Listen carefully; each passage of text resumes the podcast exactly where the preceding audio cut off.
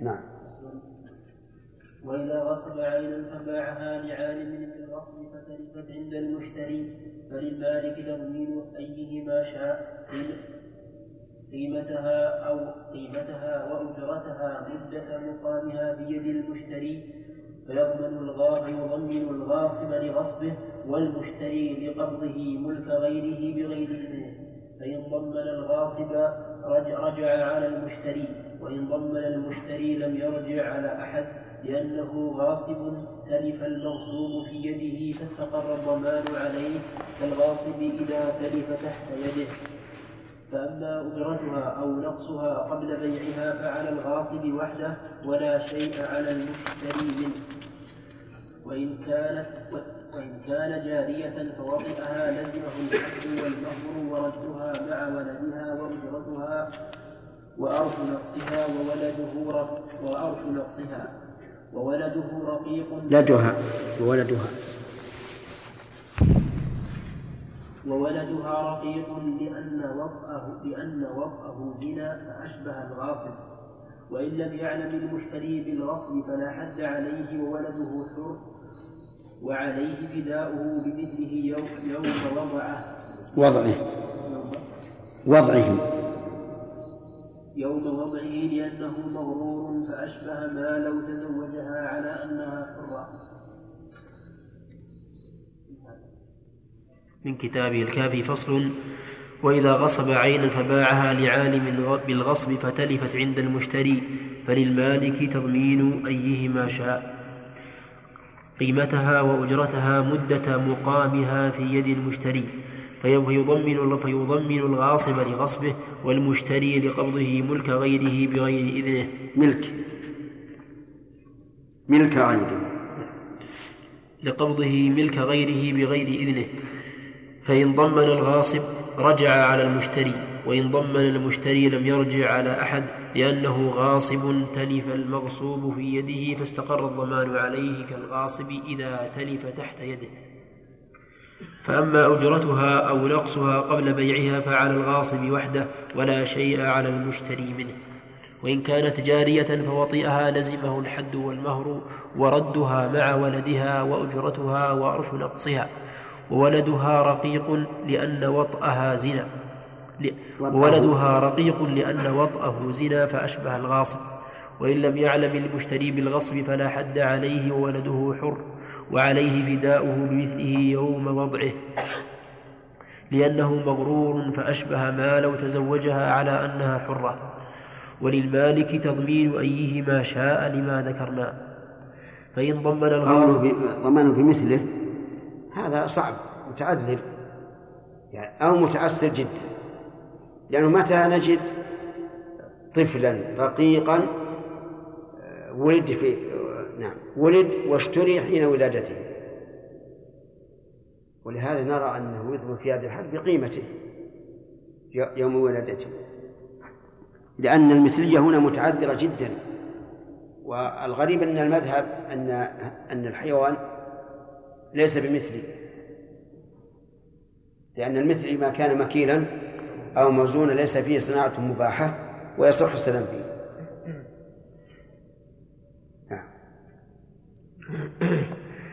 فإن ضمن ضمن الغاصب رجع على المشتري بقيمة العين ونقصها وأرش بكارتها لأنه دخل مع البائع على أن يكون ضامنا لذلك بالثمن فلم يغره فيه ولا يرجع عليه ببدل الولد إذا ولدت منه ونقص ونقص الولادة. ولا نعم. ولا يرجع. ولا يرجع ولا يرجع عليه ببدل الولد إذا ولدت منه ونقص الولادة. ونقص ونقص الولادة. إذا ولدت منه ونقص الولادة لأنه دخل معه على أن لا يضم على أن لا يضمنه فغره بذلك. يضمن. على أن لا يضمنه فغره بذلك. فأما ما, حصل فأما ما حصلت له به منفعة ولم يلتزم ضمانه كالأجرة والمهر. ففيه روايتان. إحداهما لا يرجع به لأن المشتري دخل معه في العقد على أن يتلفه بغير عوض فقد غره فاستقر الضمان على الغاصب كعوض الولد. والثانية يرجع به لأن المشتري لأن المشتري لأن المشتري استوفى بدل ذلك فتقرر ضمانه عليه. وإن ضمن المشتري رجع على الغاصب بما لا يرجع به الغاصب عليه لأنه استقر ضمانه على الغاصب ولم يرجع بما ولم يرجع بما يرجع به الغاصب عليه لأنه لا فائدة في رجوعه عليه بما يرجع به الغاصب عليه.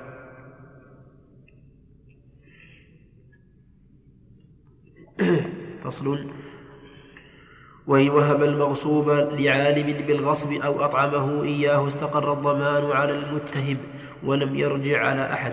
لما ذكرنا في المشتري وإن لم يعلم ولما ذكرنا في المشتري وإن لم يعلم رجع بما غرم على الغاصب لأنه غره بدخوله معه على أنه لا يضمن. وعنه فيما إذا أكله أو أتلفه أنه لا يرجع به لأنه غرم ما أتلف.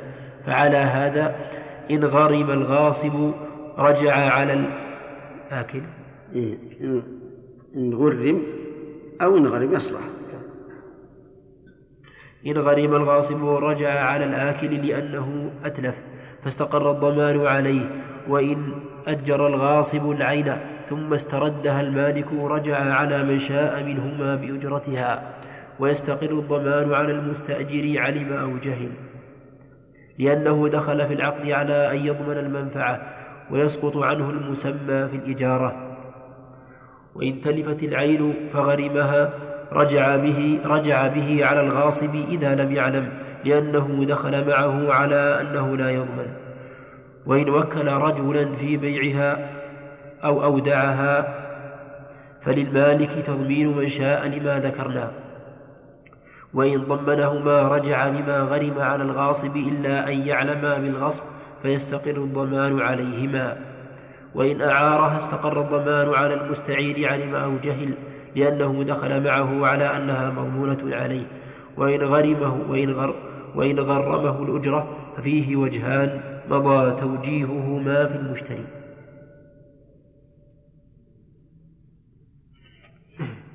هذه إن شاء الله كلها سنعطيكم فيها قاعدة. هذه تسمى الأيدي المترتبة على يد الغاصب. وقد ذكر ابن رجب رحمه الله في القواعد الفقهية أنها عشر. وذكر لكل واحدة حكما لكن لها قاعدة أو ضابط سنذكر إن شاء الله بعد ما ينتهي كلام المؤلف. فصل وإن أطعم المغصوب لمالكه فأكله عالما به برئ الغاصب لأنه أتلف ماله برضاه عالما به. وإن لم يعلم فالمنصوص أنه يرجع. قيل لأحمد رض قيل لأحمد رضي الله عنه في رجل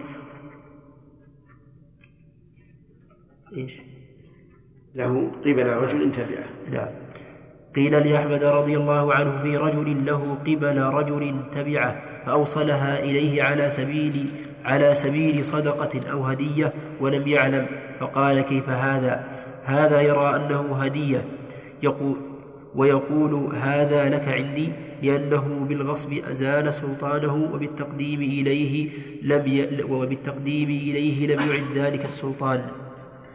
فإنه إباحة لا يملك بها التصرف في غير ما أذن له فيه. ويتخرج أن يبرأ لأنه رد إليه ماله فبرئ كما لو وهبه إياه. ويحمل كلام ويحمل كلام أحمد رضي الله عنه على أنه أوصل على أنه أوصل إليه بدلها بدله. فأما إن وهبه إياه فالصحيح أنه يبرأ لأنه قد سلمه تسليما صحيحا ورجع إليه سلطانه به وزالت يد والصحيح أنه إذا أطعمه إياه عالم به أنه لا, لا يرجع عليه. لأن المغصوب منه يدري أن هذا ملكه وقد اتلفه هو. أما لو غره وأطعمه إياه على أنها دعوة أو هدية فهنا يرجع المغصوب منه على الغاصب لأنه غره. نعم. فالصحيح أنه ويحمل كلام أحمد رضي الله عنه على أنه أوصل إليه بدلا فأما إن وهبه إياه فالصحيح أنه يبرأ لأنه قد سلمه تسليما صحيحا ورجع إليه سلطانه به وزالت يد الغاصب بالكلية وكذلك إن باعه إياه وسلمه إليه فأما إن أودعه إياه أو أعاره أو أجره إياه فإن علم أنه مال فإن علم أنه ماله برئ الغاصب لأنه عاد إلى يده وسلطانه وإن لم يعلم لم يبرأ لأنه لم يعد إليه سلطانه وإنما قبضه على الأمانة. وقال بعض أصحابنا يبرأ لأنه عاد إلى يده. فصل. وأم الولد تضمن بالغصب لأنها تضمن في الإتلاف بالقيمة فتضمن في الغصب فتضمن في الغصب كالقن ولا يضمن الحكم أم الولد هي التي أتت بولد من سيدها. تسمى أم ولد. يعني رجل عنده سرية فأتت منه بولد. انعقدت انعقد سبب الحرية فيها لكنها لا تعتق إلا بموته أي بموت سيدها ولهذا قال إن أم الولد تضمن بالغصب. بخلاف الحر الحر لا يضمن بالغصب. يعني لو غصب إنسانا وأجبره على أن يحفر له بئرا فإنه لا يضمن. لأن الحر لا يضمن ليس له قيمة شرعا. لكن هل يلزم بأجرة المثل أو لا يلزم؟ محل نظر. نعم. الموصوف منه اشترى من الغاصب يعني ثم قدر عليه. اشتراها وهو قادر وهو يعلم إنها سلعته؟ كيف؟ كيف؟ يعني حب سلعته اشتراها من الغاصب ثم قدر على أن يأخذ من الغاصب يعني هو هو إذا اشتراها من من الغاصب وهي سلعته لا يعطيه الثمن. آه. إذا أعطاه الثمن فإذا ثبت فيما بعد أنها سلعته استرد الثمن. فصل ولا يضمن الحر بالغصب لأنه ليس بمال فلا فلم يضمن باليد وإن حبس حرا فمات لم يضمنه لذلك إلا أن يكون صغيرا فيه وجهان. أحدهما لا يضمن لأنه حر أشبه الكبير والثاني والثاني يضمنه لأنه تصرف لأنه تصرف له في نفس في نفسه أشبه لأنه لا تصرف. لا لا تصرف. والثاني يضمنه لأنه لا تصرف له في في نفسه أشبه المال. فإن قلنا لا يضمنه فكان عليه حلي, حلي فهل يضمن الحلي؟ فيه وجهان. أحدهما لا يضمنه لأنه تحت يده أشبه ثياب الكبير. أحدهما لا يضمنه لأنه تحت يده أشبه ثياب الكبير. والثاني يضمنه لأنه استولى عليه فأشبه ما لو كان منفردا. وإن استعمل الكبير مدة كرها فعليه أجرته. لأنه أتلف عليه ما يتقوم فلزمه ضمانه كإتلاف ماله. وإن حبسه مدة لمثلها أجرة ففيه وجهان. أحدهما تلزمه الأجرة لأنها منفعة تضمن بالإجارة فضمنت بالغصب كنفع المال. والثاني لا يلزمه لأنها تلفت تحت يده فلم تضمن كأطرافه. والصحيح أنه أنه يضمنه. إذا منعه من العمل وكان من عادته أن يعمل فإنه يضمن لأنه حال بينه وبين كسبه. أما إذا كان ليس من عادته أن يعمل فهذا ليس له ليس له أجرة كالعين التي ليس فيها منفعة. وأما في مسجد الصغير فالصواب أنه يضمنه.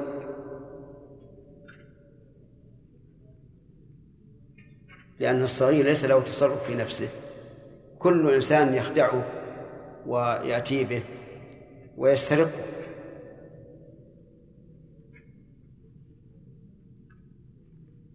نعم. نعم يا صالح. نذكرها إن شاء الله. فصل وإن غصب كلبا يجوز اقتناؤه لزمه رده لأن فيه نفعا مباحا. وإن غصب خمر ذمي لزمه ردها إليه طيب يجوز اقتناؤه وهو كلب الحرث والصيد والماشية نعم. وإن غصب كلبا يجوز اقتناؤه لزمه رده لأن فيه نفعا مباحا. وإن غصب خمر ذمي لزم ردها إليه لأنه يقر على اقتنائها وشربها. وإن غصبها من مسلم وجبت إراقتها لأن النبي صلى الله عليه وسلم أمر بإراقة خمر الأيتام. وإن وإن أتلفها المسلم أو ذمي لمسلم لمسلم. نعم. لمسلم؟ لمسلم أو ذمي. وإن أتلفها لمسلم أو ذمي لم يضمنها لما روى ابن عباس أن النبي صلى الله عليه وسلم قال إن الله إذا حرم شيئا حرم ثمنه ولأنها يحرم الانتفاع بها فلم تضمن كالميتة. وإن غصبه منهما فتخلل إذا إذا غصب خمرة ذمي. وقلنا يلزمك الرد. فما هو العمل إذا كان لا, لا يريد الرد؟ العمل أن يتلفها لأنه إذا أتلفها لم يضمنها فإنها محرمة وعوضها محرم. نعم. وإن غصبه منهما فتخلل في يده لزمه رده إلى صاحبه لأنها صارت خلا على حكم ملكه. فإن تلف ضمنه لأنه مال تلف في يد الغاصب. فإن أراقه صاحبه فجمعه إنسان فتخلل لم يلزمه رده لأن صاحبه أزال ملكه عنه بتبديده وهذا كل شيء كل شيء آه، يخرجه الإنسان عن ملكه آه، رغبة عنه أو آه، أو يأسا من صلاحه أو يأسا من برئه فيلتقطه أحد ويربيه حتى يسلم فإنه لا يلزمه رده إلى صاحبه. ولو طالب به صاحبه فلا حق له لأنه تركه وأخرج أخرجه عن ملكه. ومثل هذا ما يوجد في السيارات التي يكون يكون تكون لها عليها حوادث فيتركها أهلها رغبة عنها فيأتي إنسان ويأخذها ويأخذ ما فيها من ال من قطع الغيار فليس لصاحب الحق في أن يطالب بها لأنه تركها زهدا فيها فخرجت عن ملكه.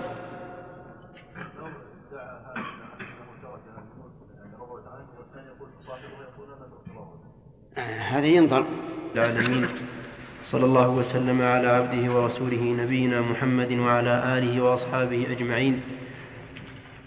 قال ابن قدامة رحمه الله تعالى في كتاب الغصب من كتابه الكافي فصل وإن غصب جلد ميتة ففي وجوب رده وجهان مبنيان على طهارته بالدباغ إن قلنا يطهر وجب رده لأنه يمكن التوصل إلى تطهيره أشبه الثوب النجس وإن قلنا لا يطهر لم يجب رده ويحتمل أن يجب إذا قلنا, إذا قلنا يجوز الانتفاع به في اليابسات ككلب الصيد.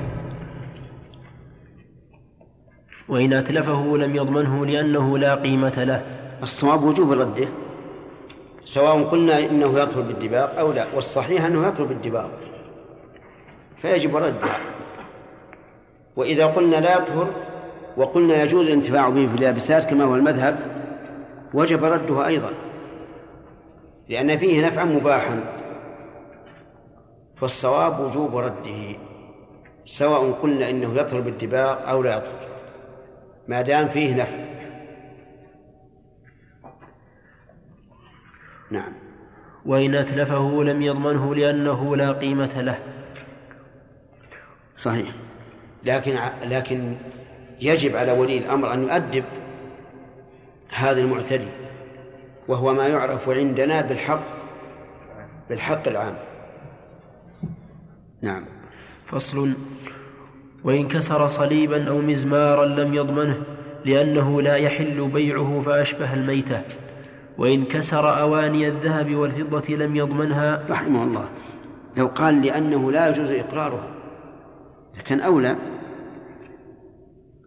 لأنه يجب علينا أن نغير المنكر بأيدينا إذا قدرنا. فإن لم نستطع فباللسان فإن لم نستطع فبالقلب.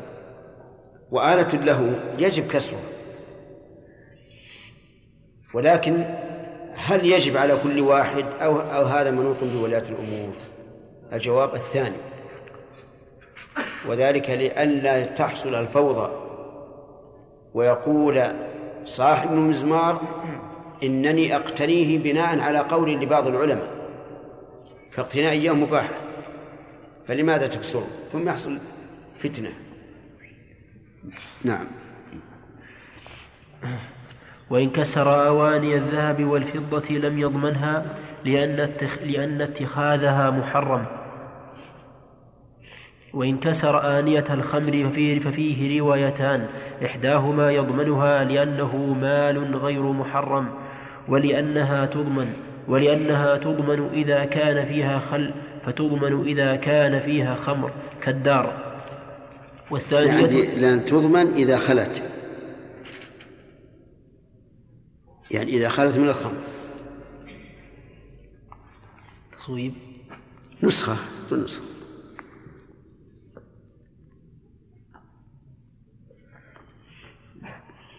ولأنها تضمن نعم إذا خلت. خلت يعني من الخمر. يعني إذا أتلف الإناء الذي بدون أن يكون فيه خمر فهي مضمونة. ولأنها تضمن إذا خلت فتضمن إذا كان فيها خمر كالدار. والثانية لا تضمن لما كالدار يعني لو هدم دارا فيها خمر. فإنه يضمن الدار. لكن هذا القياس فيه نظر لأن الدار ليست آنية للخمر. بخلاف آنية الخمر فإنها مختصة به. وعلى كل حال فالصواب أنه إذا إذا أتلف آنية خمر وهي مما يباح استعماله فهو ضامن. والثانية لا تضمن لما روى ابن عمر أن النبي صلى الله عليه وسلم أمره بتشقيق زقاق الخمر. رواه أحمد في المسند. فصل. ومن أتلف بينهما فرق لأن الرسول صلى الله عليه وسلم له السلطة. فتشقيقها من باب التعزير. أما غيره فليس له ذلك. فإذا كان إنسان قد وضع خمرا في إناء ثمين لكنه ليس ذهبا ولا فضة. فيأتي إنسان ويكسره ويفسده لأن فيه خمرا هذا فيه نظر. الصواب أنه مضمون. نعم. ما جاء ما جاء وقت الشيخ الأسئلة. نعم. ما جاء وقت الأسئلة. طيب. فصل. ومن أتلف مالا محترما لغيره ضمنه لأنه فوته عليه فضمنه كما لو غصبه كما لو غصبه فتلف عنده. وإن فتح قفص طائر فطار أو حل دابة فشردت أو قيد عبد فذهب أو رباط سفينة فغرقت ضمن ذلك لأنه تلف بسبب فعله فضمنه كما لو نفر الطائر أو الدابة. نفر. كما لو نفر. كما لو نفر الطائر أو الدابة.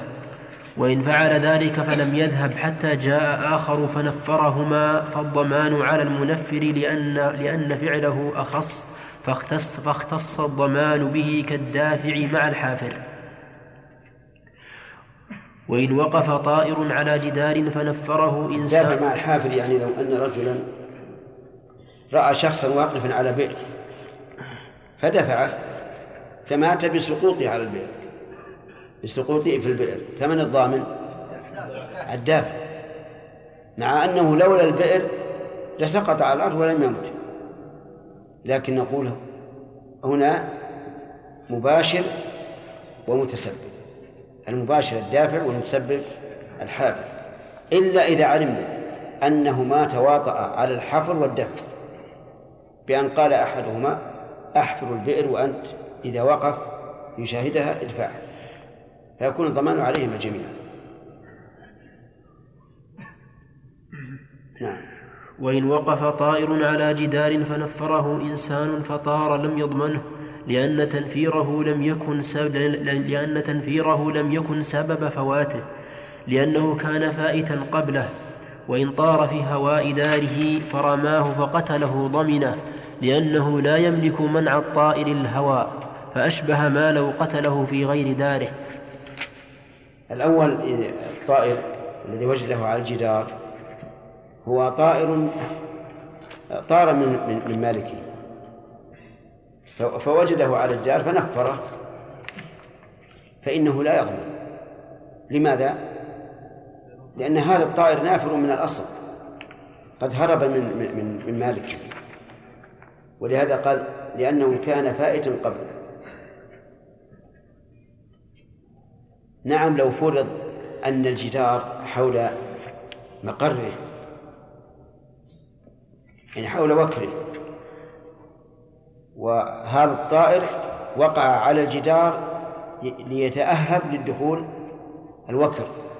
فهنا قد نقول بالضمان. السبب أنه لولا تنفيره لدخل في وكره. نعم. فصل. وإن حل زقا فاندفق أو خرج منه شيء بل أسفله فسقط أو سقط بريح أو زلزلة أو كان جامدا فذاب بالشمس فاندفق ضمنه لأنه تلف بسببه فضمنه كما لو دفعه. وقال القاضي لا يضمنه إذا سقط بريح أو زلزلة لأن فعله لأن فعله غير ملجئ فلا يضمنه كما لو دفعه إنسان آخر. ولنا أنه لم يتخلل بين فعله وتلفه مباشرة يمكن إحالة الضمان عليها فيجب أن يضمنه. كما لو جرح إنسانا فأصابه الحر فمات به. فأما إن بقي واقفا فجاء إنسان فدفعه ضمنه الثاني لأنه مباشر. وإن كان يخرج قليلا قليلا فجاء إنسان فنكسه فاندفق ضمن الثاني ما خرج بعد التنكيس لأنه مباشر له فهو كالذابح بعد الجرح فهو كالذابح بعد الجارح. ويحتمل أن يشترك فيما بعد التنكيس. وإن فتح زقا فيه جامد فجاء آخر فقرب إليه نارا فأذابه فاندفق ضمنه الثاني لأنه باشر الإتلاف. وإن أذابه الأول ثم فتحه الثاني فالضمان على الثاني لأن التلف حصل بفعله.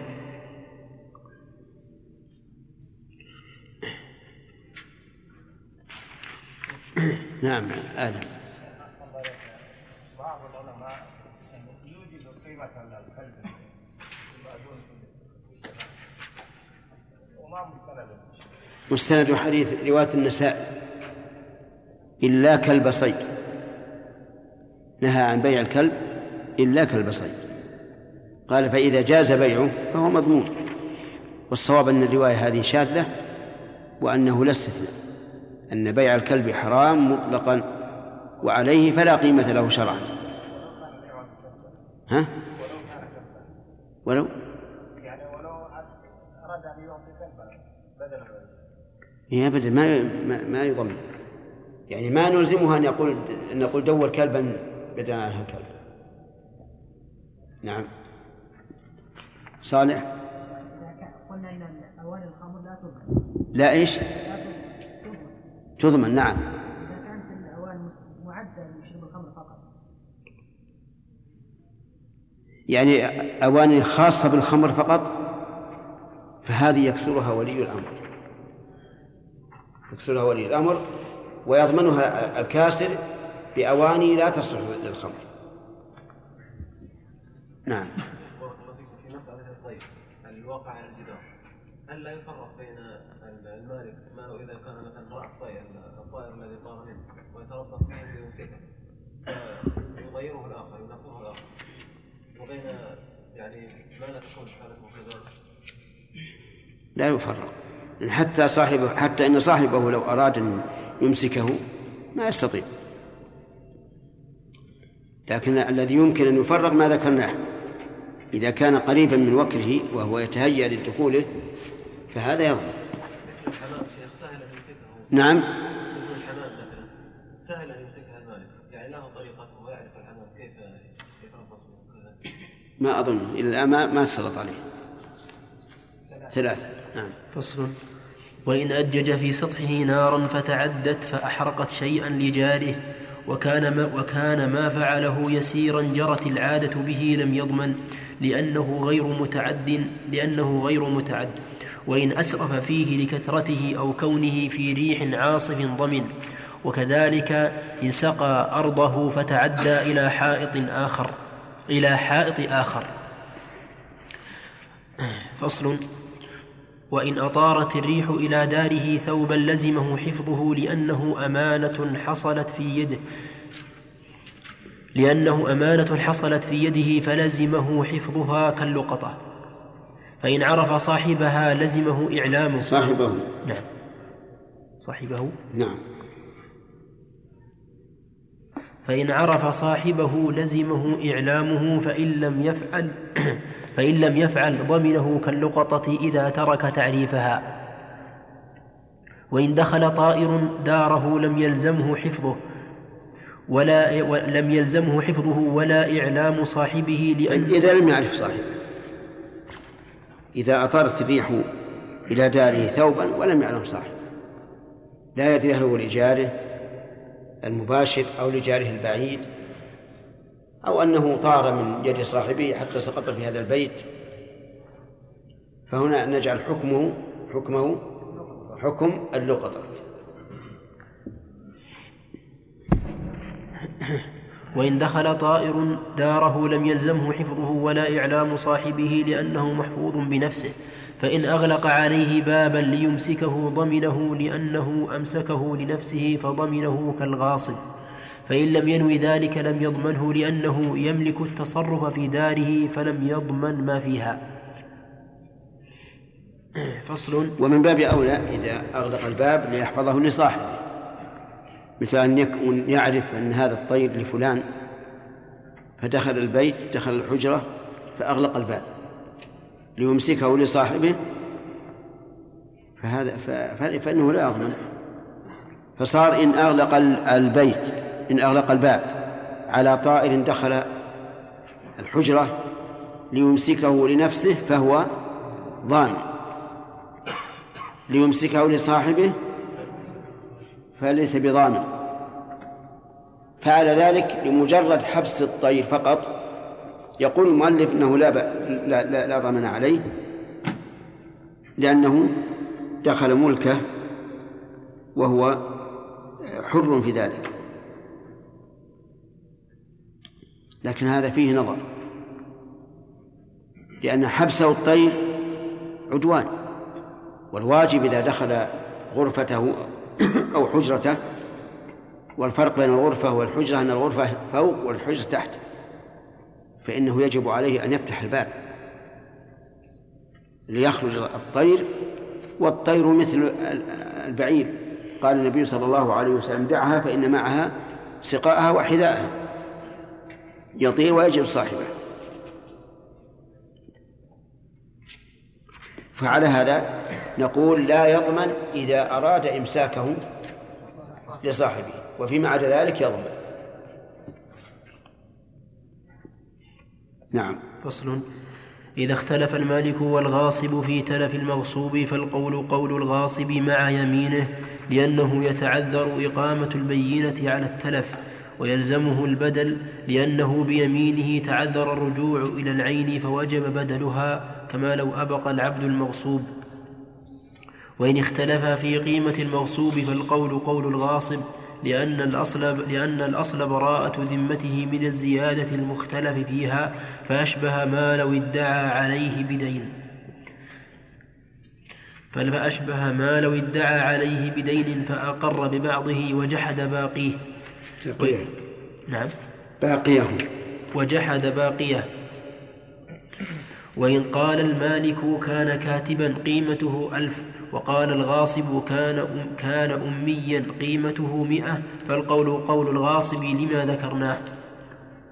وإن قال الغاصب كان سارقا فقيمته مئة وقال المالك لم يكن سارقا فقيمته ألف فالقول قول المالك لأن الأصل عدم السرقة. وإن غصب طعاما فقال كان عتيقا فلا يلزمني حديث. وإن وإن غصب طعاما فقال كان عتيقا فلا يلزمني حديث وأنكره المالك فالقول قول الغاصب. حديثا يعني جديدا وعتيقا قديما.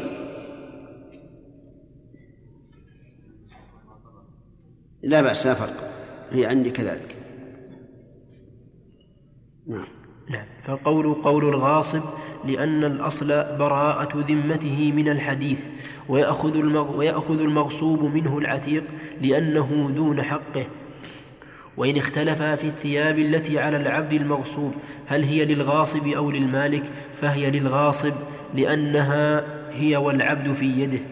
فكان القول قوله فيها. وإن غصبه خمرا فقال المالك استحالت خلا فأنكره الغاصب فالقول قول الغاصب لأن الأصل عدم الاستحالة.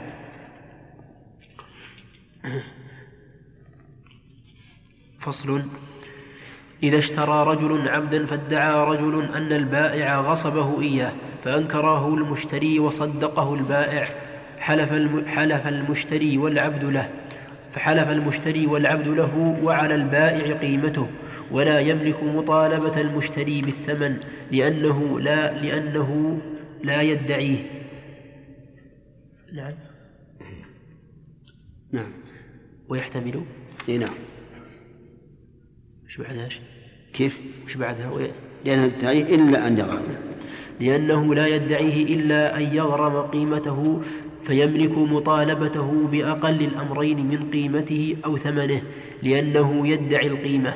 والمشتري يقر بالثمن فيكون له أقلهما.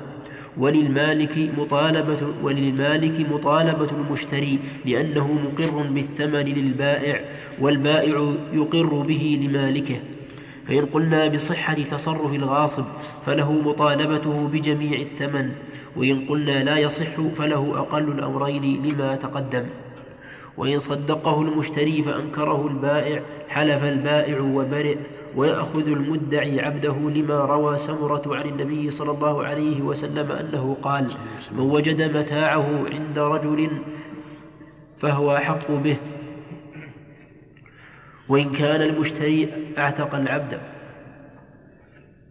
وإن كان المشتري أعتق العبد فصدقه البائع فصدقه البائع والمشتري فصدقه البائع والمشتري والمشتري والمشتري المالك غرم أي غرم أيهما شاء. قيم نعم. صدقه البائع.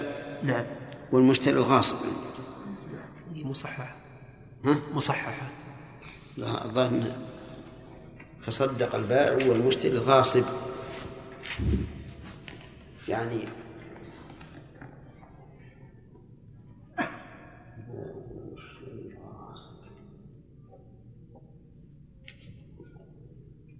يعني أنه أنه غصبه. غرم أي المالك أيهما شاء قيمته.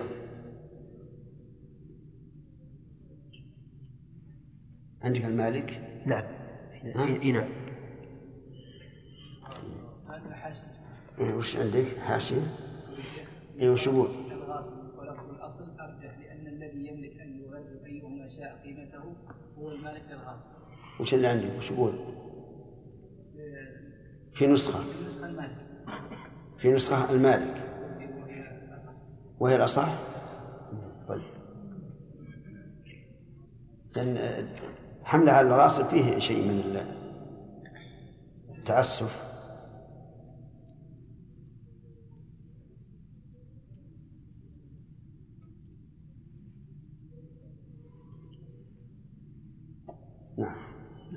فصدقه ولا فصدقه لا ما ما عندي فصدقه فصدق. غرم أيهما شاء غي غرم أيهما شاء قيمته ويستقر الضمان على المشتري لأنه أتلف العبد بعتقه. وإن وافقهما العبد على التصديق فكذلك ولم يبطل العتق لأنه حق الله تعالى فلا يقبل قولهما قولهم في إبطاله. وفيه وجه آخر أنه يبطل العتق إذا صدقوه كلهم ويعود العبد رقيقا للمدعي لأنه لأنه أقر بالرق على وجه لا يبطل به حق أحد فقبل كإقرار مجهول الحال. الله رب العالمين صلى الله وسلم على نبينا محمد وعلى آله وصحبه أجمعين.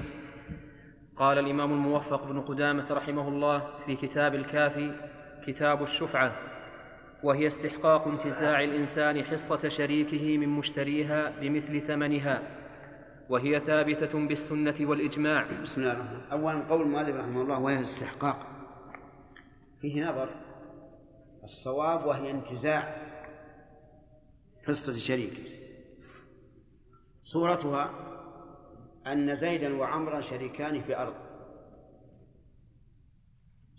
باع أحدهما نصيبه على خالد فهنا طرف ثالث. فللآخر الذي لم يبع أن ينتزع نصيب شريكه ممن اشتراه قهرا أو اختيارا. واضح؟ طيب. الحكمة فيها دفع دفع الأذى عن الشريك. دفع الأذى عن الشريك. فإذا قال قائل دفع الأذى عن الشريك يعارضه ضرر المشتري. لأن المشتري أخذ اشترى. فكيف ندفع ضرر شخص بضرر آخر؟ نقول أيهما أسبق في الملك؟ المشتري حادث أو الشريك السابق؟ الشريك السابق. والسبق له حق.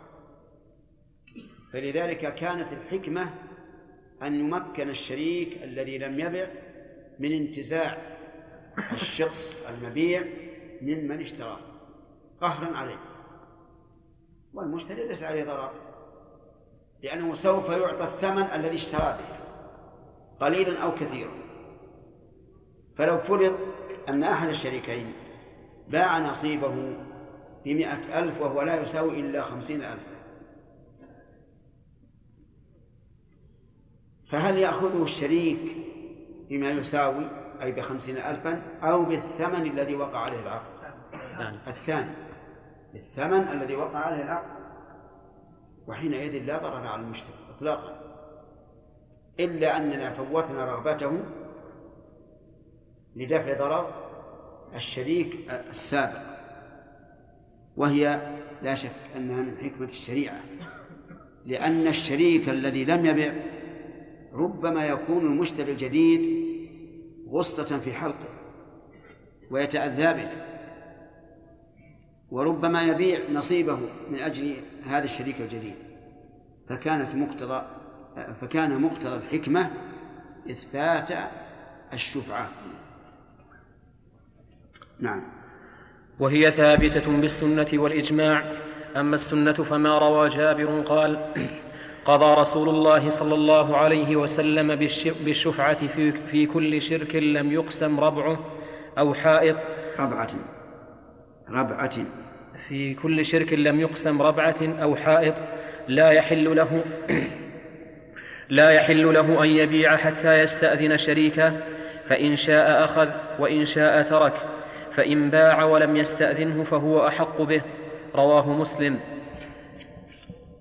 وأجمع المسلمون على ثبوت الشفعة في الجملة ولا تثبت إلا بشروط سبعة. قضى أي حكم أو شرع. الشفعة. وسواء قلنا قضى بمعنى حكم أو أنه شرع فقضاؤه لا شك أنه شرع. وقوله في كل شرك أي في كل مشترك لم يقسم. فإن قسم فلا شفعة. يقول ربعة أو حائط الربعة دور ونحوها والحائط البستان وما أشبهه. لا يحل له أي للبائع أن يبيع حتى يستأذن شريكه فإن شاء أخذ وإن شاء ترك. يعني إذا أراد الشريك أن يبيع نصيبه لا يحل أن يبيعه حتى يستأذن من شريكه ويقول هل لك نظر؟ أنا أريد أن أبيع نصيب. هل لك نظر؟ إن قال لا نظر لي. فقد أعذر. وإن قال لي نظر ولكن أتركه. حتى يقف السوم فإذا وقف السوم أخذته. فعلى ما قال. وظاهر الحديث أنه إذا أذن في بيعه فإنها تسقط شفعته فإنها تسقط الشفعة لأنه أذن. فإذا أذن فلا حق له أن أن يأخذ بالشفعة. ولكن أهل العلم يقولون إنه لو أذن فإنها لا تسقط الشفعة. لأن إذنه سابق على استحقاقه. إذ لا يستحق الشفعة إلا حيث تم البيع. فإذا أذن فقد قدم الشيء قبل وجود سببه وتقديم الشيء قبل وجود سببه لا عبرة به. ولأن الإنسان قد يكون الشيء رخيصا عنده فإذا بيع صار غاليا عنده فأخذ بالشفعة طيب فإن باع ولم يستأذن فهو أحق به. وإن استأذنه وأذن فلا حق له. هذا ما يدل عليه الحديث. قال وأجمع المسلمون على ثبوت الشبه في الجملة يعني في أغلب الصور. ذكر لنا بعض أهل العلم أن الفقهاء إذا قالوا بالجملة فالمعنى في جميع الصور. وإذا قالوا في الجملة فالمعنى في غالب الصور. نعم. ولا تثبت إلا بشروط سبعة.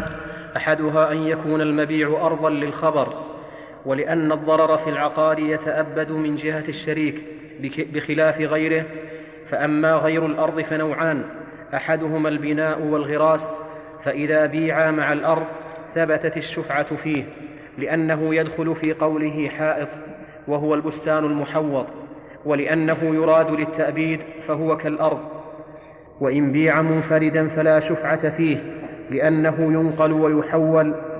وعن أحمد رضي الله عنه أن فيه شفعة لقول النبي صلى الله عليه وسلم الشفعة فيما لم يقسم. ولأن في الأخذ بها رفع ضرر, ضرر الشركة فأشبه الأرض. والمذهب الأول لأن هذا مما لا يتباقى ضرره فأشبه المكيل. وفي سياق الخبر ما يدل على أنه أراد الأرض بقوله فإذا فإذا طرقت الطرق فلا شفعة. النوع الثاني الزرع والثمرة الظاهرة والحيوان وسائر المبيعات فلا شفعة فيه تبعا ولا أصلا لأنها لا تدخل في البيع تبعا فلا تدخل في الشفعة تبعا. وعن أحمد رضي الله عنه أن الشفعة في كل ما لا ينقسم كالحجر والسيف والحيوان وما في معناه ووجه الروايتين ما ذكرناه. هذه الرواية عن أحمد هي الصحيحة. لعموم قول النبي صلى لعموم قوله في كل ما لم يقسم. الشفعة فيما لم يقسم. وما اسم موصول. وأسماء الموصول تفيد العموم. ولأن الضرر في غير الأرض حاصل. بالنسبة للشريك. أرأيت لو كان رجلان اشتركا في سيارة فباع أحدهما نصيبه من هذه السيارة على رجل سيء الملكة. أيتضرر أو لا يتضرر؟ نعم. يتضرر. فالضرر حاصل في الأرض وفيما ينقل. فالصواب أن الحديث عام. أن كل شيء ففيه شفعة حتى لو كان بينك وبين شخص قلم وباع نصيبه من القلم لك أن تشفع ولا لا؟ على القول الراجح لك أن تشفع. كتاب مثلا بينك وبين شخص فباع نصيبه منه فلك أن تشفع. لأن الضرر حاصل بهذا كما يحصل بالآخر.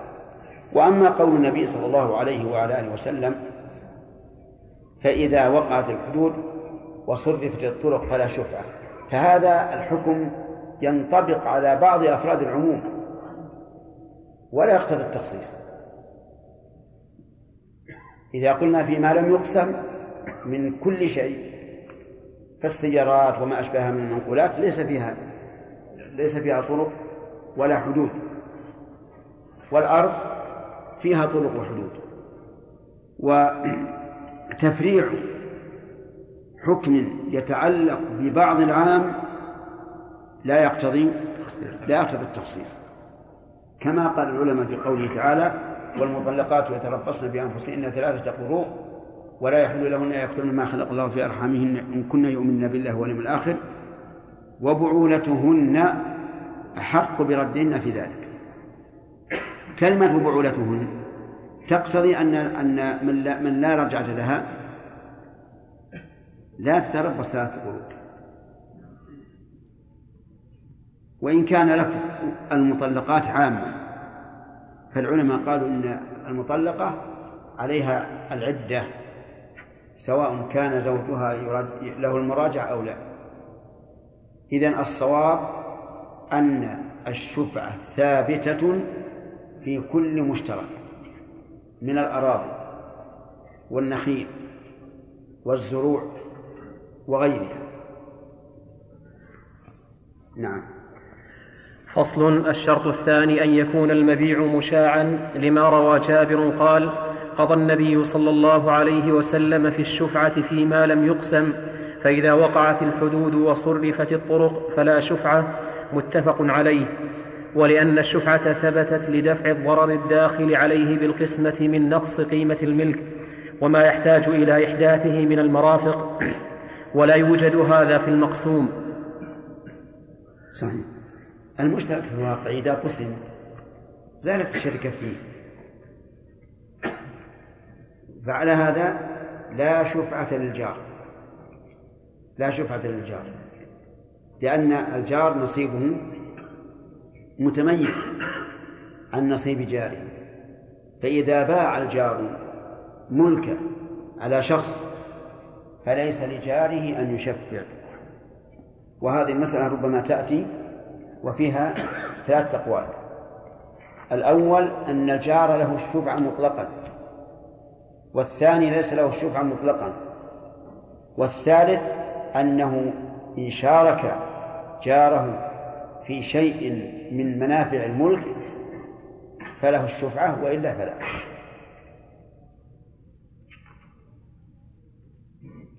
نعم.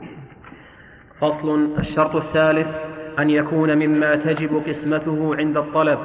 فأما ما لا تجب قسمته كالرحى والبئر الصغيرة والدار الصغيرة فلا شفعة فيه. لما روي عن عثمان رضي الله عنه أنه قال لا شفعة في بئر ولا نخل. ولأن إثبات الشفعة إنما كان لدفع الضرر الذي يلحق بالمقاسمة وهذا لا يوجد فيما لا يقسم. وعن أحمد رضي الله عنه أن الشفعة تثبت فيه لعموم الخبر ولأنه عقار مشترك فثبتت فيه الشفعة كالذي يمكن قسمته والمذهب الأول. فأما الطريق في وهذا من غرائب العلم أن نقول ما تجب قسمته فيه الشفعه وما لا فلا. والذي تجب قسمته هو الذي إذا قسم لا يتضرر أحد من الشركاء. كالأرض الواسعة الكبيرة. إذا قسمت لا يتضرر أحد. بخلاف الأرض الأرض الصغيرة فإنها إذا قسمت لم تصلح للبناء. فمثلا رجلان بينهما أرض قدرها عشرة في عشرة. عشرة أمتار في عشرة أمتار. هذه لو قسمت لتضرر الطرفان.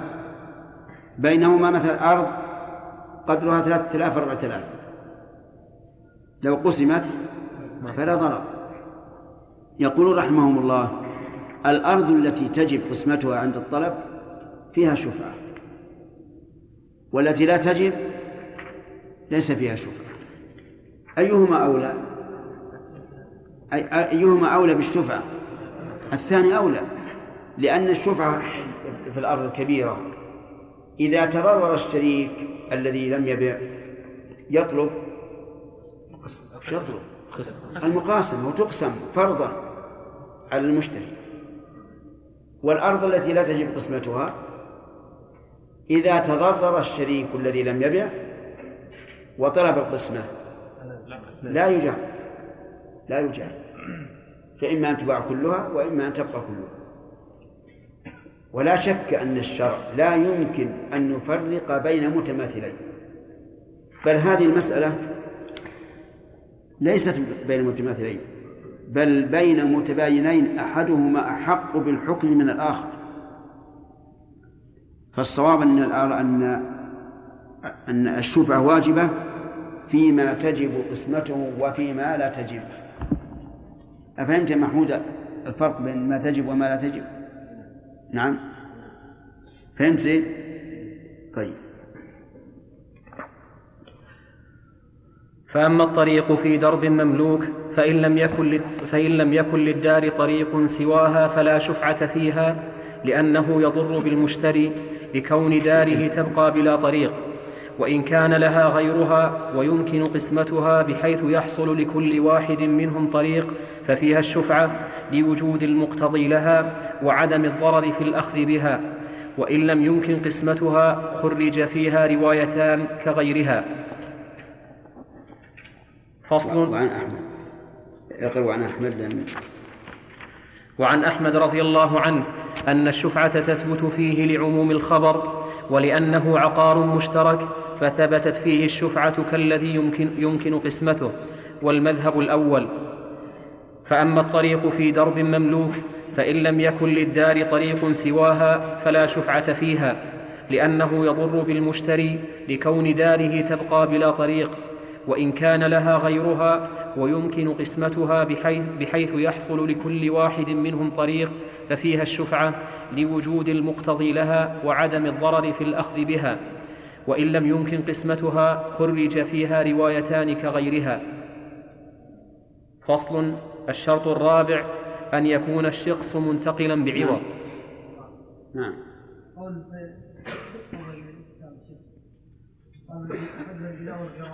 إيش؟ البناء والغراس نعم. إذا بيع البناء والغراس؟ بدون بدون الأرض إي نعم يمكن. يمكن يكون هذا ال- ال- المغارس. المغارس ليس له شيء من الأرض. وإنما له شيء من من النخل أو الشجر. يمكن يبيع نصيبه من من الأرض الغراس يمكن تباع بدون غراس يعني أنا مثل مالك الأرض أتاني رجل وغارسته. يغرس نخل وله النصف نصف النخل. ليس له حق من الأرض. والنخل بيني وبينه. يمكن يبيع نصيبه فهمت؟ ويمكن يجي واحد يشتري مني الأرض وأستثني الشجر فيكون له الأرض ولي الشجر.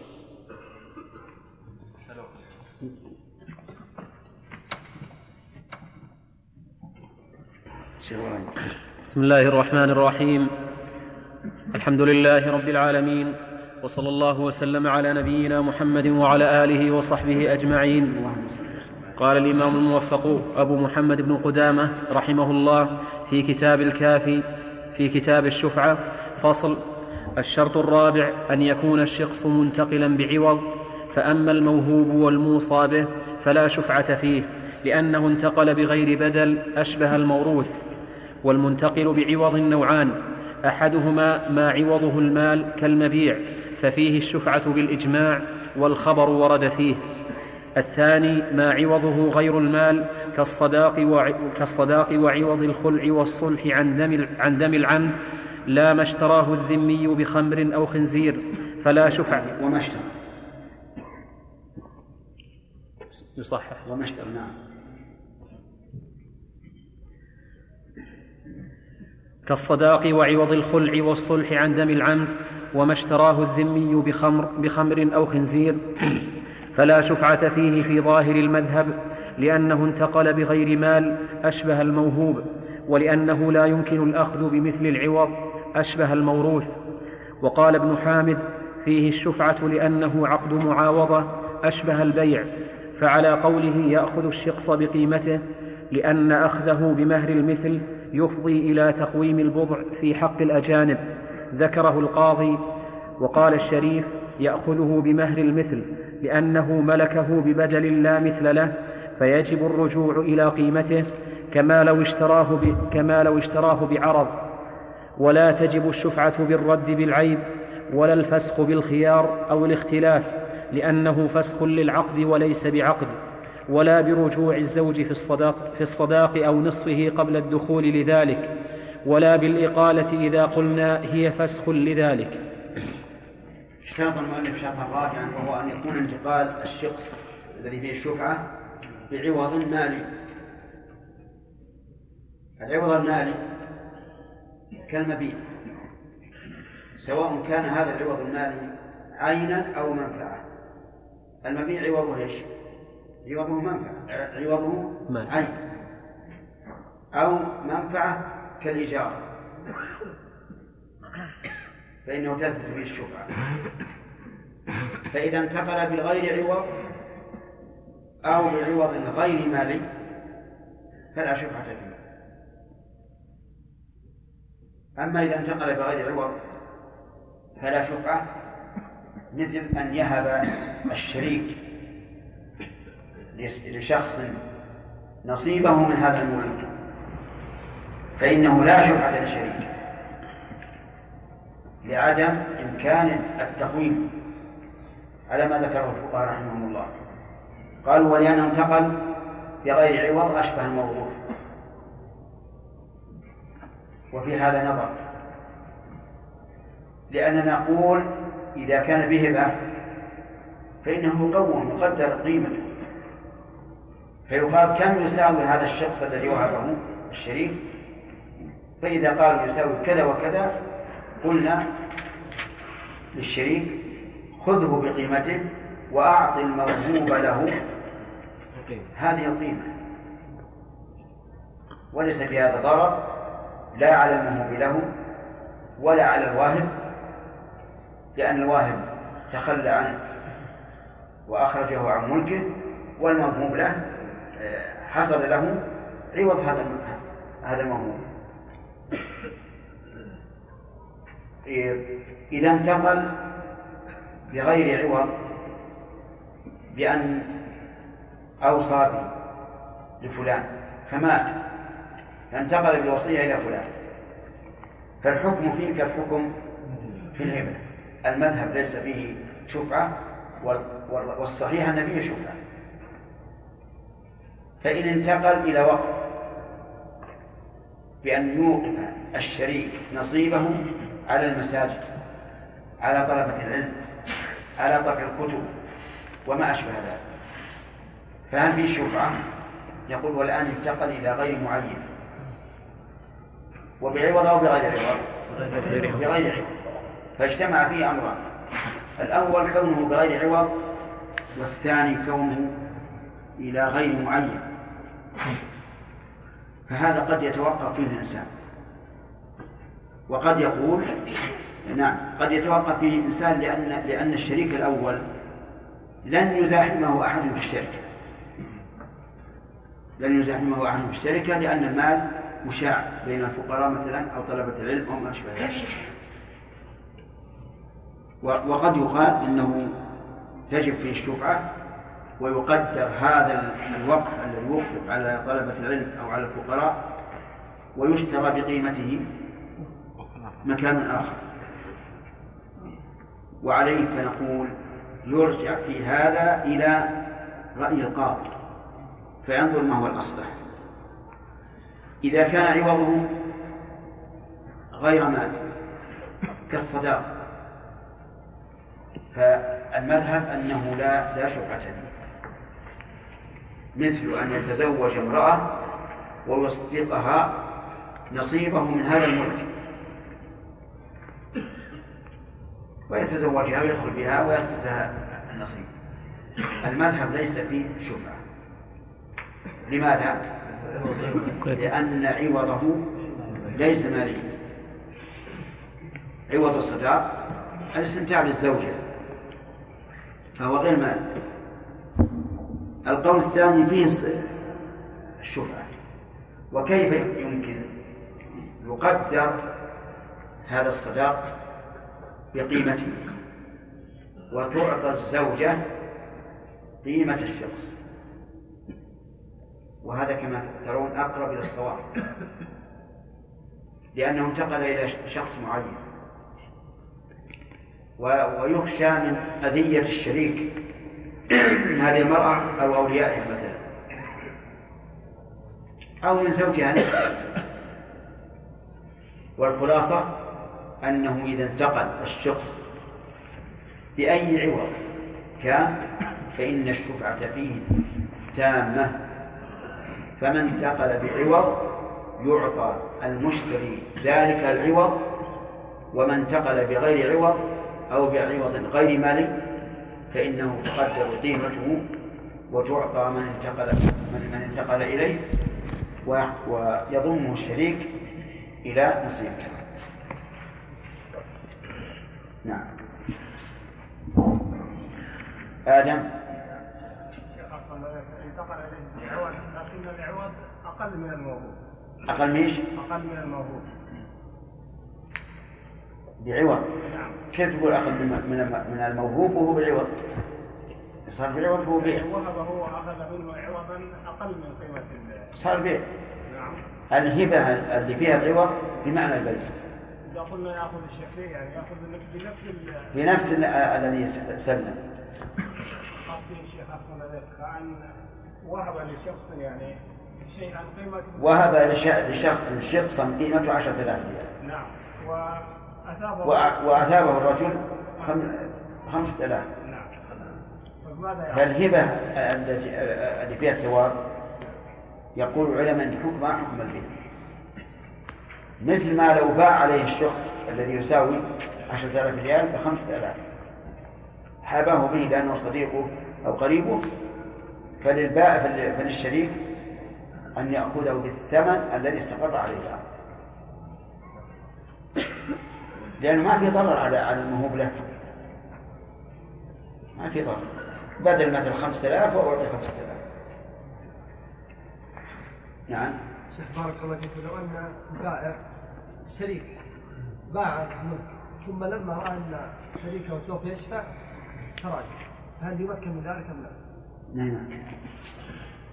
ما دام تم العقد. تم العقد بين البائع والمشتري. اللهم إلا إذا كان في مجلس الخيار فلا بأس. أما بعد التفرق فقد تم البيع. نعم. هل ما تثبت الشفعة؟ هل؟ هل ما تثبت الشفعة؟ هل؟ هل لا تثبت الشفعة. نعم. إلا في فيما هو مملوك؟ إلا في؟ إلا فيما هو مملوك. في؟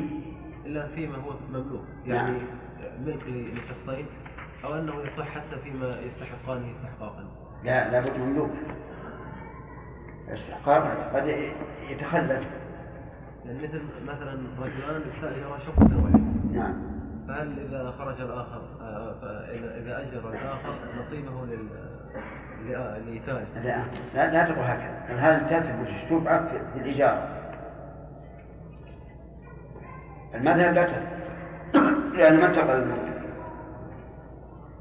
والقول الثاني أنه إذا كانت الإجارة يسيرة كشهر أو نصف شهر فلا شفعة لأنه إن قدر مرض فهو يسير.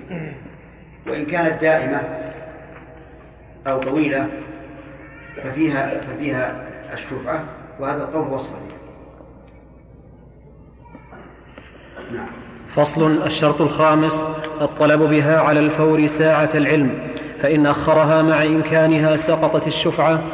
قال أحمد الشفعة بالمواثبة ساعة يعلم لما, رو لما روي عن عمر رضي الله عنه. قال قال رسول الله صلى الله عليه وسلم الشفعة كحل العقال رواه ابن ماجه. ولأن إثباتها على التراخي يضر بالمشتري لكونه لا يستقر ملكه على المبيع ولا يتصرف فيه بعمارة خوفا من أخذ المبيع وضياع عمله.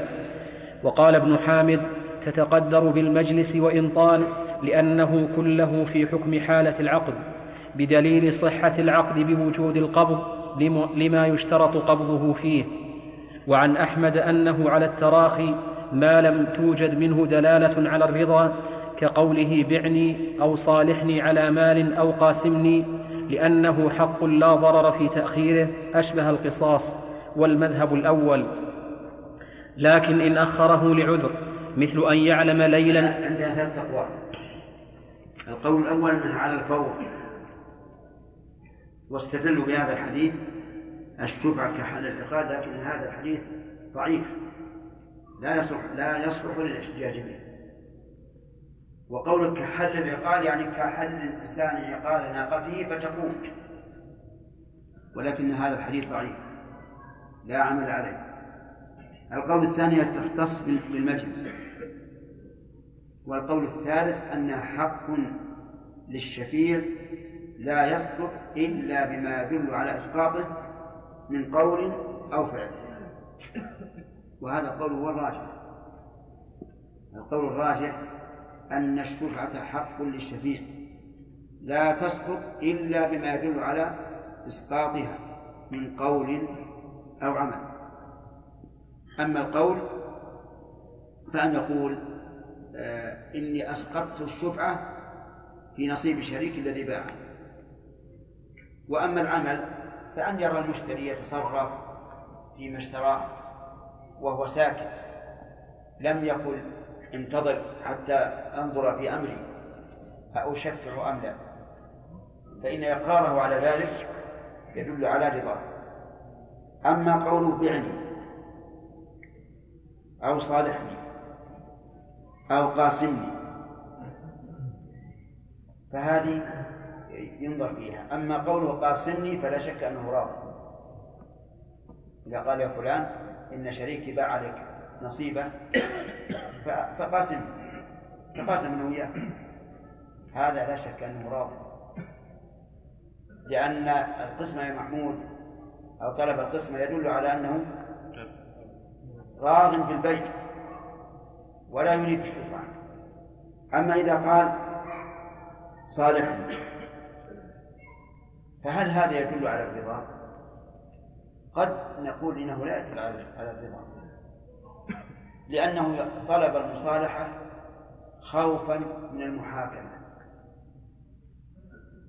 وهذا يفعله كثير من الناس الذين لهم الحقوق يطلبون المصالحة لئلا يحصل المحاكمة. فليس دليلا واضحا على أنه راض بذلك. وكذلك قوله بعني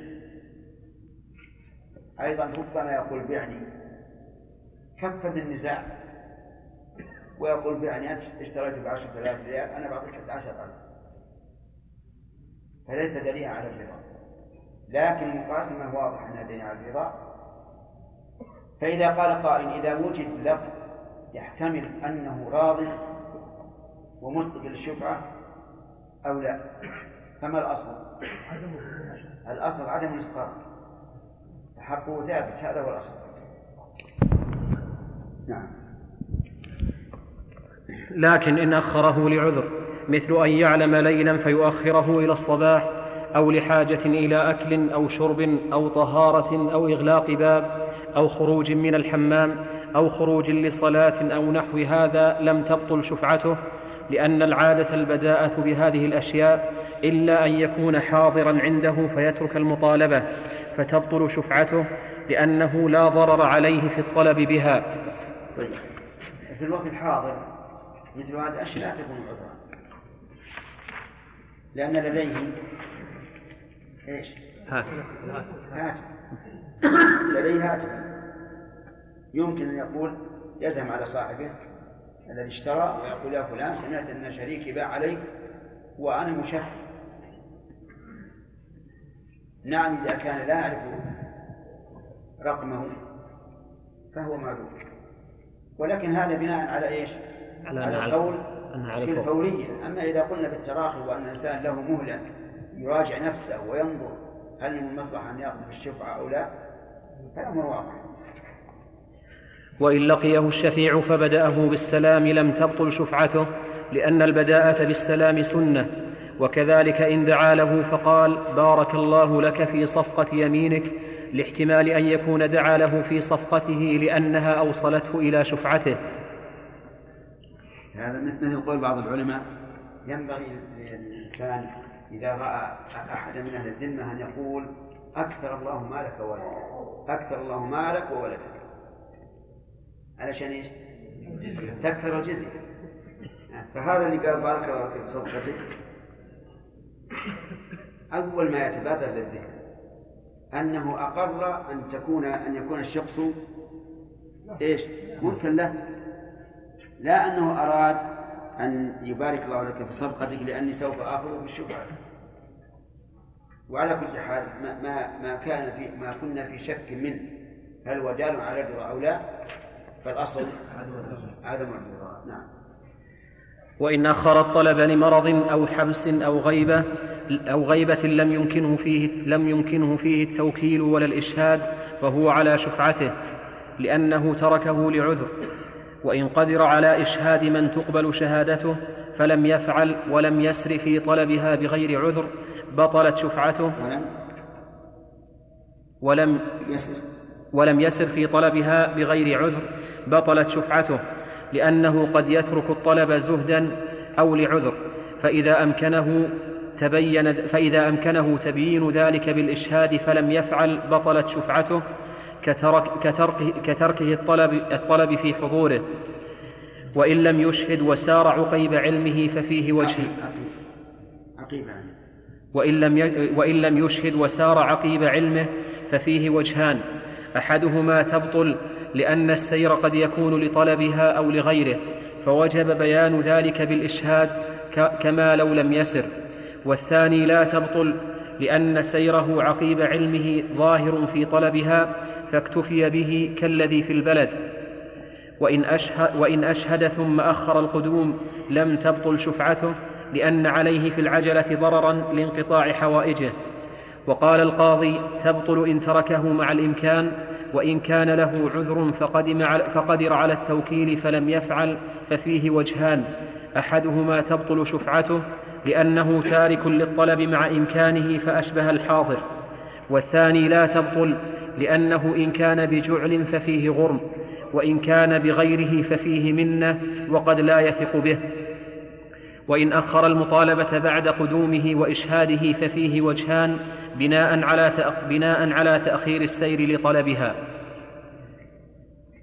كل هذا مبني على القول الفورية أما على القول بأنها الفراغ وأن الشريك له أن يمهل حتى يراجع نفسه.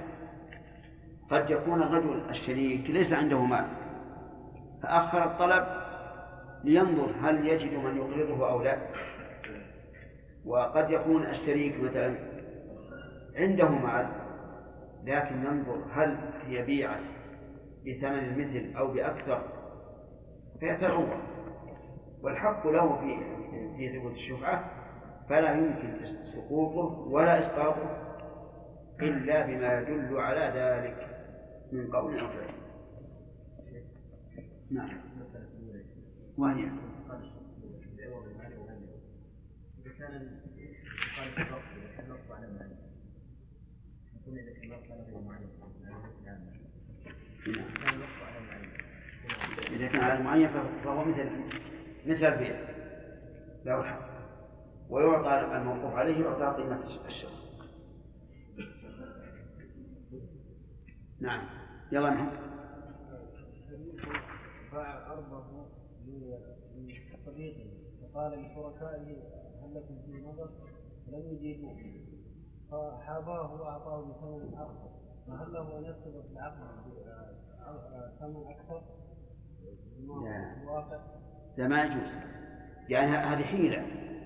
يعني يظهر الشريك أنه باع الشخص على هذا المشتري بثمن كثير حتى يصد شريكه عن الأخذ بالشفعة هذا ما يجوز. لأنه حيلة على إسقاط الحق الإثبات والشر نعم يا أبي. يصير ينتقل للورثة. ينتقل للورثة. لأن الورثة يملكون التركة بجميع حقوق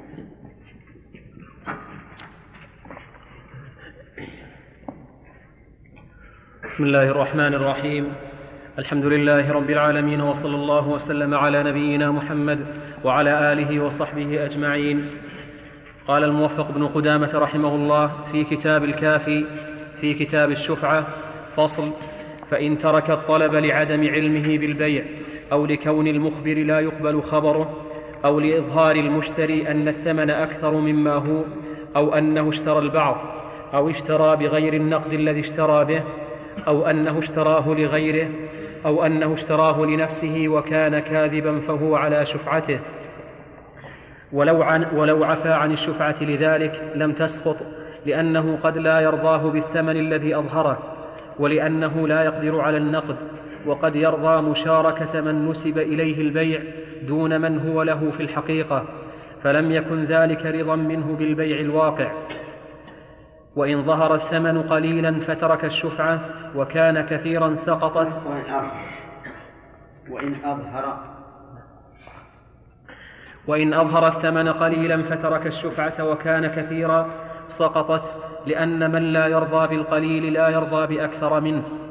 فإن ادعى أنه لم يصدق المخبر وهو ممن يقبل خبره الديني سقطت شفعته رجلا كان أو امرأة إذا كان يعرف حاله لأن هذا من باب الإخبار وقد أخبره من يجب تصديقه وإن لم يكن المخبر كذلك فالقول قوله. ووجه ذلك أن هذا إنما أسقطها بناء على عدم ثبوت البيع فيما إذا كان المخبر فاسقا أو مجهولا عند الشريك. وهذا كله مبني على أن المطالبة أن أن المطالبة بها إيش؟ على الفور. فصل فإن باع الشفيع حصته عالما بالبيع بطلت شفعته لأنها ثبتت لأنها ثبتت لإزالة ضرر الشركة وقد زال ببيعه. وإن باع قبل العلم فكذلك عند القاضي لذلك ولأنه, ولأنه لم يبق له ملك يستحق به. وقال أبو الخطاب لا تسقط لأنها ثبتت بوجود ملكه حين البيع وبيعه قبل العلم لا يدل على الرضا فلا تسقط. وله أن يأخذ الشخص الذي باعه الشفيع من مشتريه ولمشتريه أن يأخذ الشخص الذي باعه الشفيع من مشتريه لأنه كان مالكا حين البيع الثاني ملكا صحيحا فثبتت له الشفعة وعلى قول القاضي للمشتري الأول أخذ الشخص من المشتري الثاني وإن باع الشفيع البعض وإن باع الشفيع البعض احتمل سقوط الشفعة لأنها استحقت بجميعه وقد ذهب بعضه فسقط الكل. ويحتمل الا تسقط لأنه قد بقي من نصيبه ما يستحق به الشفعة في جميع المبيع. الاحتمال الثاني أصح. أما إذا باعه فالصحيح أنها تسقط. اذا باعه فإنها تسقط مثال ذلك زيد وعمر شريكان في ارض فباع عمرو على خالد. ثم بعد بيعه بيع عمر على خالد باع زيد على محمد. فهل نقول إن له الشفعة أو نقول لما باع انتقل الملك عن ملكه ولا يثبت للثاني شفعة لأن ملكه إياه بعد أن بيع الأول. الصحيح الثاني لا شك. فأنه إذا باع الشريك الذي يستحق الشفعة نصيبه قبل أن يأخذ بالشفعة فإنه لا شيء له. ويبقى الملك بين الشريكين. المشتري الأول الذي اشترى من الشريك والمشتري الثاني الذي اشترى من الشريك. فصل الشرط السادس أن يأخذ جميع المبيع فإن عفى عن البعض أو لم يطلبه سقطت شفعته لأن في أخذ البعض تفريقا لصفقة المشتري وفيه إضرار به وإنما ثبتت, وإنما ثبتت الشفعة على وجه يرجع المشتري بماله من غير ضرر به فمتى سقط بعضها سقطت كلها كالقصاص. فإن كان المبيع شقصين من أرضين فله أخذ أحدهما لأنه يستحق كل واحد منهما بسبب غير, بسبب غير الآخر فجرى مجرى الشريكين.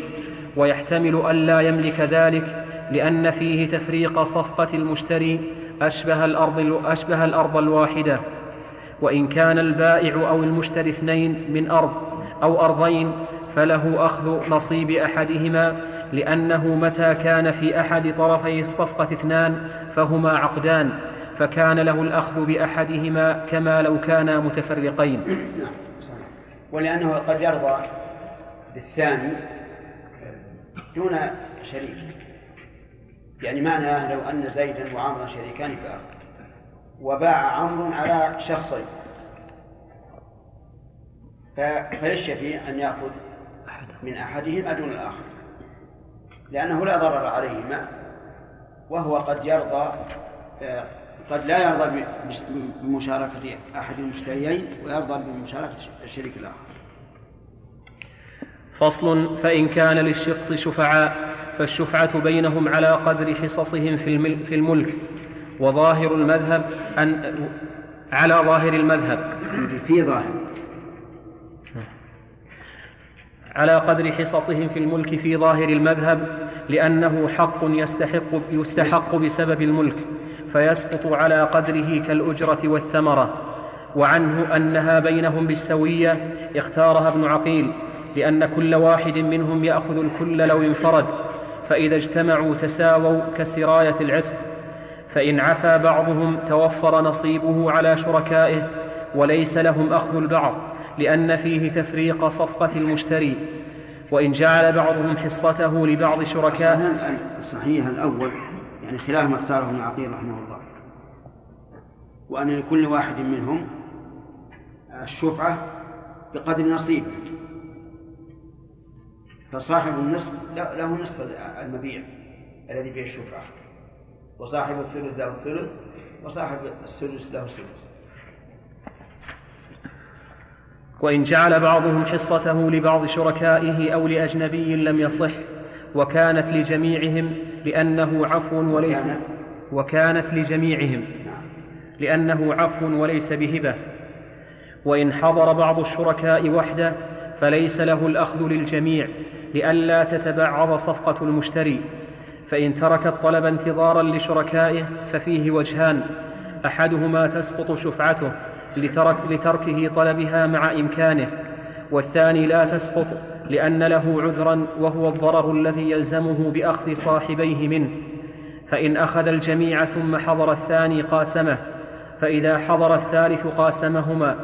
وما حدث من النماء المنفصل في يد الأول فهو له لأنه حدث في ملكه. وإن أراد الثاني الاقتصار على قدر حقه فله ذلك لأنه لا تتبعض الصفقة على المشتري إنما هو تارك إنما هو تارك بعض حقه لشريكه فإذا قدم الثالث فله أن يأخذ فله أن يأخذ ثلث ما في يد الثاني وهو التسع فيضمه إلى ما في يد الأول وهو الثلثان تصير سبعة أتساع يقتسمانها نصفين لكل واحد منهما ثلاث أتساع ونصف ونصف تسع وللثاني تسعان. ولو ورث اثنان دارا فمات أحدهما عن ابنين فباع أحدهما نصيبه فالشفعة بين أخيه وعمه لأنهما شريكان للبائع فاشتركا في شفعته كما لو ملكا بسبب واحد شيخ في عندنا وان حضر بعض الشركاء وحده فليس له إلا أخذ الجميع كيف؟ عندنا وان حضر بعض الشركاء وحده فليس له إلا أخذ الجميع. الصفحة الثانية الأولى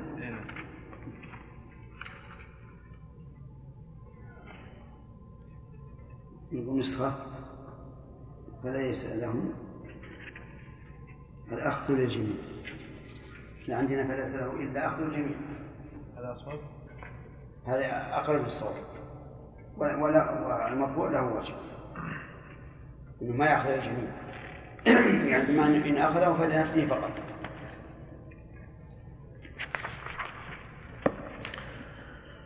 فصل وإن كان المشتري شريكا فالشفعة بينه وبين الشريك الآخر لأنهما تساويا في الشركة فتساويا في الشفعة كما لو كان الشريك اجنبيا. فإن أسقط المشتري شفعته ليلزم شريكه أخذ الكل ليلزم شريكه أخذ الكل لم يملك ذلك لأن ملكه استقر على قدر حقه فلم يسقط بإسقاطه.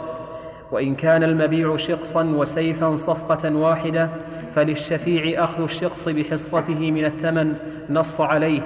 ويحتمل الا يجوز لئلا تتشقص صفقة المشتري. والصحيح الأول لأن المشتري لأن المشتري أضر بنفسه حيث جمع في العقدين فيما فيه شفعة وما لا شفعة فيه. طيب ذاك فيه قول ثالث. ما هو؟ أن الشفعة بالجميع وهذا هو الصواب. وقول المؤلف رحمه الله شقصا وسيفا. إنما عبر بذلك تقليدا لغيره. لأن أول من قال هذه العبارة مثل بالسيف. وإلا لو قيل شقصا وسيارة يصح؟ يصح. أو سقفا وب... شقصا وبابا. والمقصود أنه جمع بين ما فيه الشفعة وما لا شفعة فيه. هذا المقصود. وإذا قلنا بالقول الراجح أن الشفعة بالجميع فلا إشكال. نعم. فصل. لو كان للشخص نباع منفصل. إيش؟ لو كان للشخص نباع منفصل. نعم. فباع أحد الشريكين نصيبه ولم يدري الشريك الأول. ونقل أن هذه المدة كانت شهر حتى علم ثم طلب التشفيع فشفع. فلمن يكون النماء المنفصل؟ النماء المنفصل قبل الأخذ بالشفعة للمشتري. لأنه نماء ملكه ولا يزول ملك المشتري إلا بالتشفيع. نعم. كذلك شيخ صورة أن يكون المشتري شريكا. إذا صاروا ثلاثة هذا ما استوى إلا صاروا ثلاثة. إذا صاروا ثلاثة وباع الثالث نصيبه على الثاني. صار الآن الثاني شريكا بالأصل وصار شفيعا. نعم يا سليم. هي إذا قلنا أن الشفعة تجد موجب الضرر الضرر ظاهر في السيارة وما شبه شيء. إن شفع إذا شفع صارت السيارة له ولا دخل عليها أحد أنا مقصودي اللي أخرجوا أخرجوا السيارة وبعض الأشياء من من الشفع كما ذكرنا فيما سبق. أي نعم. الصحيح أنه يثبت في كل شيء. فصل الشرط السابع أن يكون الشفيع قادرا على الثمن لأن أخذ المبيع من غير دفع الثمن إضرار, بالمشتري. وإن عرض رهنا أو ضمينا أو عوضا عن الثمن لم يلزمه قبوله لأن في تأخير الحق ضررا. وإن أخذ بالشفعة لم يلزم تسليم الشخص حتى يتسلم الثمن. فإن تعذر تسليم فإن تعذر تسليمه قال أحمد يصبر يوما أو يومين أو بقدر ما يرى الحاكم فأما أكثر فلا. فعلى هذا إن أحضر الثمن وإلا فسخ الحاكم الأخذ. وإلا فسخ الحاكم الأخذ ورده إلى المشتري. فإن, فإن أفلس بعد الأخذ خير المشتري بين الشخص وبين أن يضرب مع الغرماء كالبائع المختار. فصل ويأخذ بالثمن الذي استقر العقد عليه. لقول النبي صلى الله عليه وسلم في حديث جابر فهو أحق به بالثمن. رواه أبو إسحاق الجوز الجوزجاني. ولأنه استحقه بالبيع فكان عليه الثمن كالمشتري. فإن كان الثمن مثليا كالأثمان والحبوب والأدهان وجب مثله. وإن كان غير ذلك وجب قيمته. لما ذكرنا في الغصب. وتعتبر قيمته حين وجوب الشفعة كما يأخذ الثمن كما يأخذ الثمن الذي وجب بالشفعة فإن حط بعض الثمن عن المشتري أو زيد عليه في مدة الخيار لحق العقد لحق العقد ويأخذه, ويأخذه الشفيع بما استقر عليه العقد لأن زمن الخيار كحالة العقد وما وجد بعد ذلك من حط أو زيادة لم تلزم في حق الشفيع لأنه ابتداء هبة فأشبه غيره من الهبات. وإن كان الثمن مؤجلا أخذ به الشفيع إن كان مليا وإلا أقام ضمينا مليا وأخذ به لأنه تابع للمشتري في قدر الثمن وصفته والتأجيل من صفته. فإن كان الثمن عبدا فأخذ الشفيع بقيمته ثم وجد به الباء فهمنا الآن أن الشفيع يأخذ بالثمن؟